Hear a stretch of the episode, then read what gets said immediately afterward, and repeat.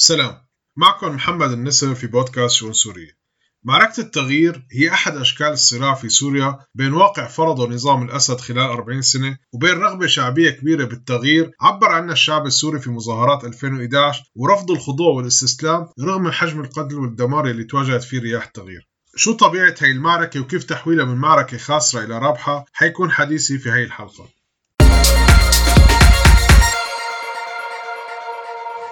في بدايات ثورة 2011 توافد كثير من وزراء الخارجيات وشخصيات دبلوماسية وسياسية لزيارة بشار الأسد. كلهم اتفقوا على وجوب إصلاحات سريعة في سوريا وفتح فضاءات أوسع للحريات. حتى وزير الخارجية التركي بهذاك الوقت أحمد داوود أوغلو وصف شعوره بهديك الفترة بأنه عم يتواجد بدمشق أكثر ما يتواجد في بيته وكان وزير الخارجية التركي أكثر الشخصيات يلي زارت دمشق بهديك الفترة. وبعد كل زيارة كان يصرح بأنه نصحوا بإصلاحات وتركيا جاهزة للمساعدة لكن ما كانت تصريحاته تعبر عن الرد اللي واجهه ولا نوع الإصلاحات اللي انحكى فيها. إنما تعابير وشه لأحمد داود أوغلو كانت تفضح عدم رضا واستياء كبير وشك من تجاوب نظام الأسد مع الموضوع. الوحيد يلي حكى عن الجواب الرسمي لبشار الأسد ونظامه كان وليد جنبلاط يلي نقل عن بشار الأسد كلامه بأنه الناس بدها تخاف منه وما بده يحبوه. بالوقت اللي حكى لنا جنبلاط عن هالكلام ما كان شيء صادم بالنسبة لنا ولا غريب لأنه بشار الأسد كان عم يقصف الشعب السوري وكان قاتل أكثر من نصف مليون ومهجر أكثر من 4 مليون.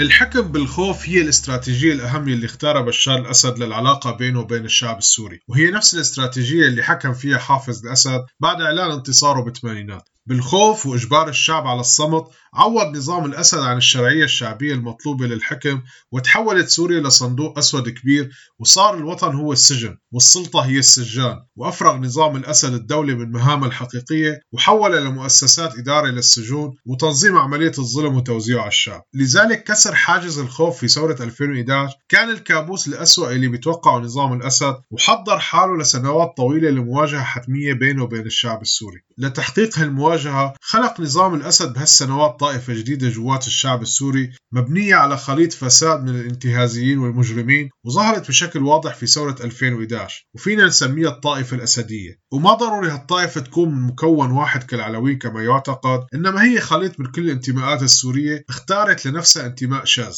الرؤية الوحيدة المشتركة اللي بتملكها طائفة الأسديين أنه الشعب لا قيمة له ولا حق له والدولة لخدمة الطائفة والثقافة الوحيدة اللي بيملكوها الأسد أو نحرق البلد. الشعار يلي بيعبر عن الطائفة الأسدية وليس عن شخص بشار الأسد فوجودهم بالنسبة لهم حتمي وهن الوحيدين اللي بحق لهم يحكموا ويتملكوا ويتصرفوا والقانون والدستور هو مجموعة من الشروط تطبق على المساجين ولا تنطبق على الطائفة الأسدية.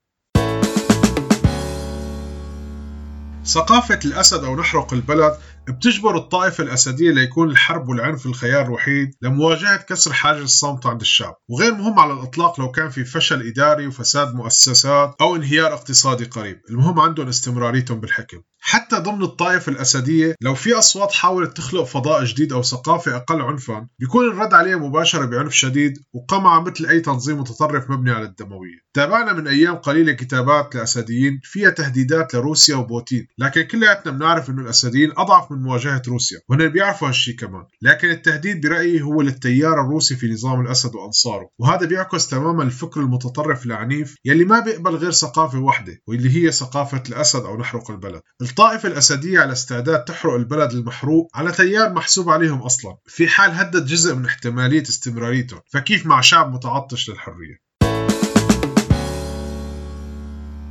على الطرف الثاني من نظام الأسد والطائفة الأسدية في تيارات تانية متصارعة بين بعضها ومع الأسد وفي فئات مجتمعية مناصرة لهم وفي فئات مجتمعية لا تدعم أي تيار. وكل حدا منهم بيملك رؤيته الخاصة عن الوطن. وهذا طبيعي في الأزمات اللي تواجه المجتمعات في حالة الحرب وخاصة لما يرافقها ضعف انتماء وإضمحلال بالهوية. ضمن استراتيجية نظام الأسد الحكم بالخوف من الطبيعي أنه يحاول يجر الجميع لمستنقعات العنف كأهم ملعب بيملكه الأسد. مو بس لأنه بيدير طائفة أسدية مبنية على العنف والحقد والفساد إنما لتبنيها لثقافة تسمح لها تشوف كل شيء خارج إطارهم لا ينتمي للبشر. وهذا بعلم النفس أهم شيء لحتى تقدر فئة بشرية تعمل مجازر بفئة بشرية تانية. يعني هي الثقافة عم تعطيهم الحق ليرموا براميل متفجرة على المدارس والمشافي واستخدام الكيماوي وتعذيب المساجين. وأي فعل وحشي تاني طالما يلي قدامه مو من البشر فعنده وحشية وسادية كبيرة قدران يستعملها. مشان هيك كسر حاجز الخوف ما بيكفي لكسب المعركة ضدهم إنما كان الشرط الأهم لإعلان بدء عملية التغيير في سوريا.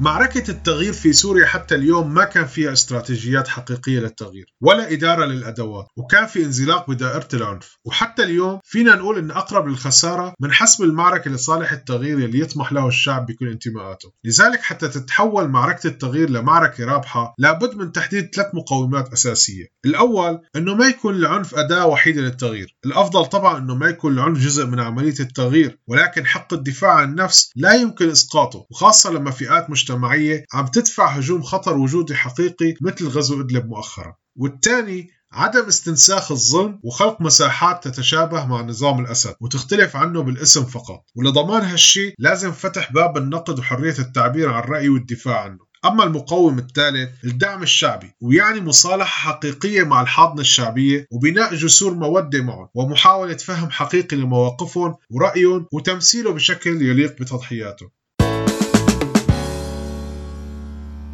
الأسد بيعتبر انتصاره من خسارة معركة التغيير وبيقدم نفسه بأنه أفضل السيء. لذلك ضروري كتير إلى جانب استراتيجية الحكم بالخوف تحطيم المقومات يلي ممكن تحسم المعركة لصالح التغيير وضرب كل المحاولات لامتلاكها. مشان هيك من الأولويات إلى جانب العنف إبعاد الأطراف الثانية عن استخدام أدوات لا عنفية أو تسهيل صعود تنظيمات متطرفة أو القصف الهمجي للحاضنة الشعبية. أساسات الصراع في سوريا اللي وضع نظام الأسد ما بتقبل حلول وسط ومشترك المشتركة لحتى اليوم نظام الأسد بيعتبر العنف هو الأساس الوحيد للحوار وبيلغي وجود أي فئات تانية وبيلغي أي فرصة لاحتمالية حل سياسي. كمان التغيير في سوريا وبناء دولة مستقرة تجمع السوريين وتحقق طموحهم ما بيسمح وجود ثقافة دموية تدميرية مثل الطائفة الأسدية أو أي فئة شبيهة. مشان هيك الطائفة الأسدية بتتعامل مع الصراع كأنه صراع وجودي لا يمكن التنازل فيه أو التراجع عنه حتى لو كان بقتل كافة السوريين. فأي تغيير أو تنازل بمثابة خسارة المعركة كاملة كاملا وانهيار الطائفة الأسدية. الصراع السوري بشكله الحالي لا رابح فيه وكلياتنا خسرانين ومعركة التغيير هي معركة خاسرة لذلك لابد من العمل الجدي لتحويل المعركة التغيير لمعركة رابحة ولتحقيق هالشيء لابد من انقلاب على المفاهيم السائدة وخلق أدوات جديدة للتغيير غير العنف والتصالح مع ذاتنا ومع المجتمعات المحلية في محيطنا. ونبدأ بناء خطاب وطني جامع يتجاوز أمراء الحرب وصراعاتهم الدموية. دمتم بخير.